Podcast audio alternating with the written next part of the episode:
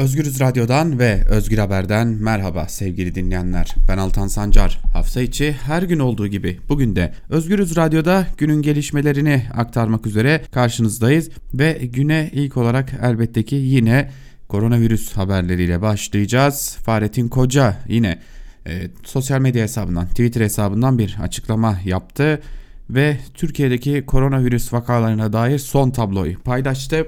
Dün itibariyle 28.578 test gerçekleştirildi Türkiye'de. 4056 yeni vaka tespit edildi. Dün itibariyle 96 kişi hayatını kaybederken 296 kişi iyileşti ve toplamda Türkiye'de 276.338 test gerçekleştirildi.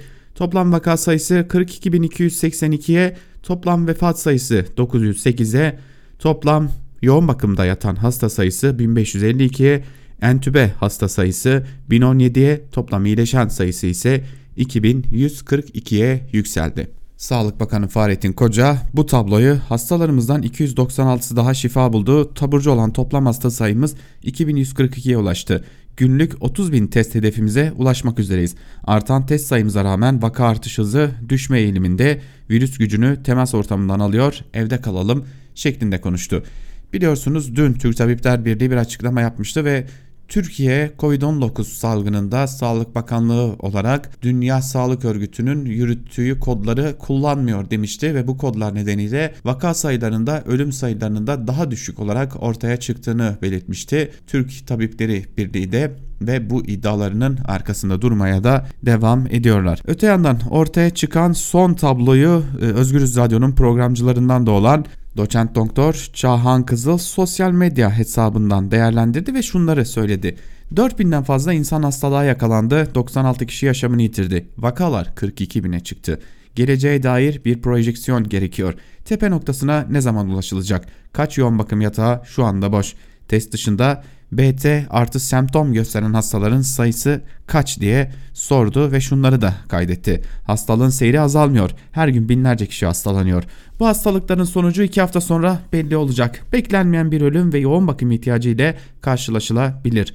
Pozitif gelişme test sayılarının artması fakat daha da artması gerekli dedi Çağhan Kızıl. Tabi ayrıntılı değerlendirmeyi Çağhan Kızıl bugün Özgürüz Radyo'da yayınlanacak olan Korona Günlüğü programında sizler için aktaracak. Buna ek olarak saat 18'de Genel yayın yönetmenimiz Can Dündar ile birlikte hazırlayıp sunduğumuz Bilanço programının bu haftaki konuğu da Özgürüz Radyo'nun da programcısı olan doçent doktor Çağhan Kızıl olacak. Hem radyomuz üzerinden hem de sosyal medya hesaplarımızdan paylaşacağımız linkler üzerinden görüntülü olarak da Canlı yayınımızı takip edebilirsiniz. Unutmayın saat 18'de bilanço programıyla sizlerin karşısında olacağız ve Türkiye'deki koronavirüsün seyrini değerlendirmeye devam edeceğiz. Bir diğer haberimize geçelim. İnfaz yasasında değişiklik yapılmasını öngören kanun tasarısı Türkiye Büyük Millet Meclisi Genel Kurulu'nda görüşülmeye devam ediliyor. Sık sık tartışmalar yaşanıyor, aralar veriliyor. Tabi bir de koronavirüs etkisi nedeniyle Meclis Genel Kurulu'nun havalandırılması için belli aralıklarla molalar veriliyor görüşmelere.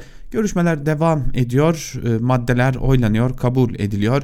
Öyle görünüyor ki muhalefetin beklentileri karşılanmayacak, daha doğrusu kamuoyunun beklentileri karşılanmayacak ve AKP ile MHP'nin getirdiği tasarı bu biçimde kabul edilecek. En azından şu an itibariyle muhalefet pek de umutlu değil sevgili dinleyenler. Bu oylamalar devam ederken tabi dün ilginç bir haber geldi. Silivri cezaevinden bir tahliye haberi geldi. IŞİD'in Türkiye emiri olduğu iddiasıyla yargılanan Ebu Hanzala Kolatlı Halis Bayan, Bayancuk'un tahliye edildiği haberi geldi. E, Bayancuk'u tahliye edildi. Mahkeme bu kararı verdi. Ancak Sakarya Cumhuriyet Başsavcılığı'nın itirazı üzerine Bayancuk cezaevinden çıkmadan hakkında yeniden tutuklama yönelik yakalama kararı çıkarıldı ve mahkeme kendisi hakkında yeniden tutuklama kararı verdi.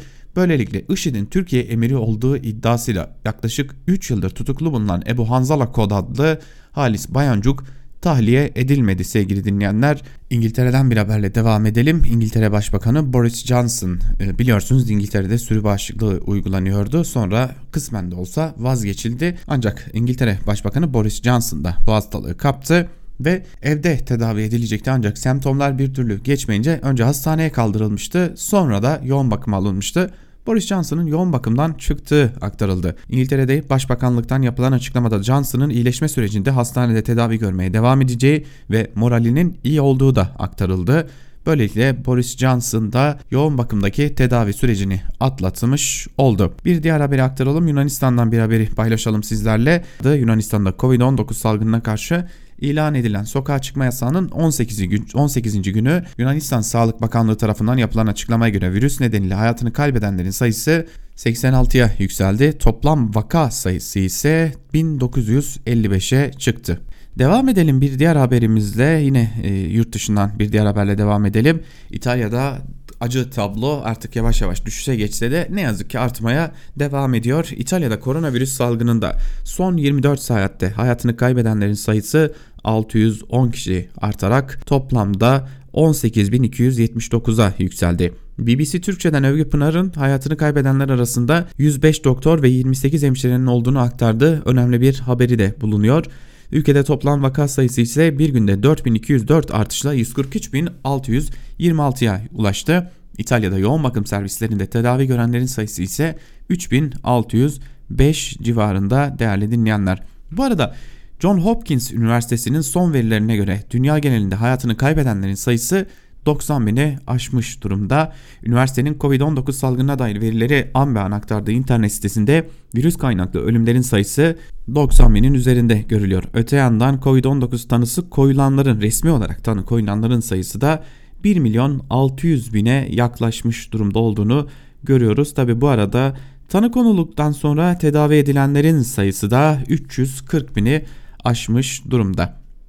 Britanya'da ise son 24 saatte 811 kişi hayatını kaybetti. Ülkedeki toplam can kaybı 7978'e yükseldi. Tespit edilen yeni vaka sayısı ise 4344 olmuş durumda.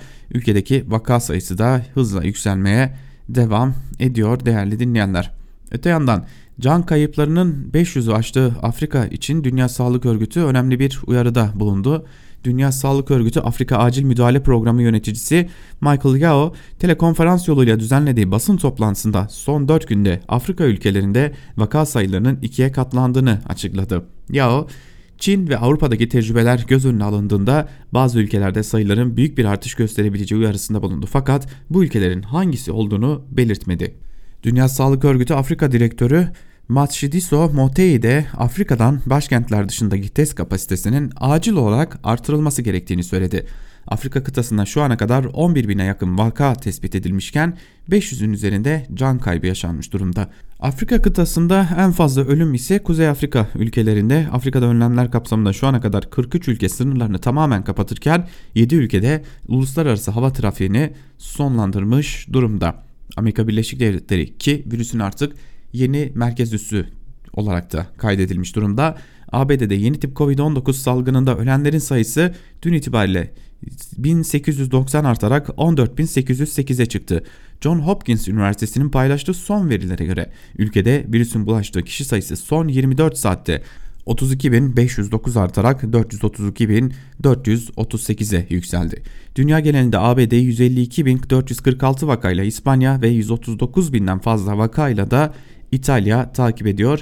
Artık Amerika krizin yeni merkez üssü ve vaka sayıları giderek artarken ölü sayılarının da 150 bin ile 200 bini bulabileceği belirtiliyor. Amerika Birleşik Devletleri'nde de. Bu arada mecliste, Meclis Genel Kurulu'nda biliyorsunuz bir infaz değişikliği yasa, yasa tasarısı görüş, görüşülüyor. Ve bu görüşmelerde gazeteciler e, kapsam dışı tutuluyor, değişikliğin dışında tutuluyor.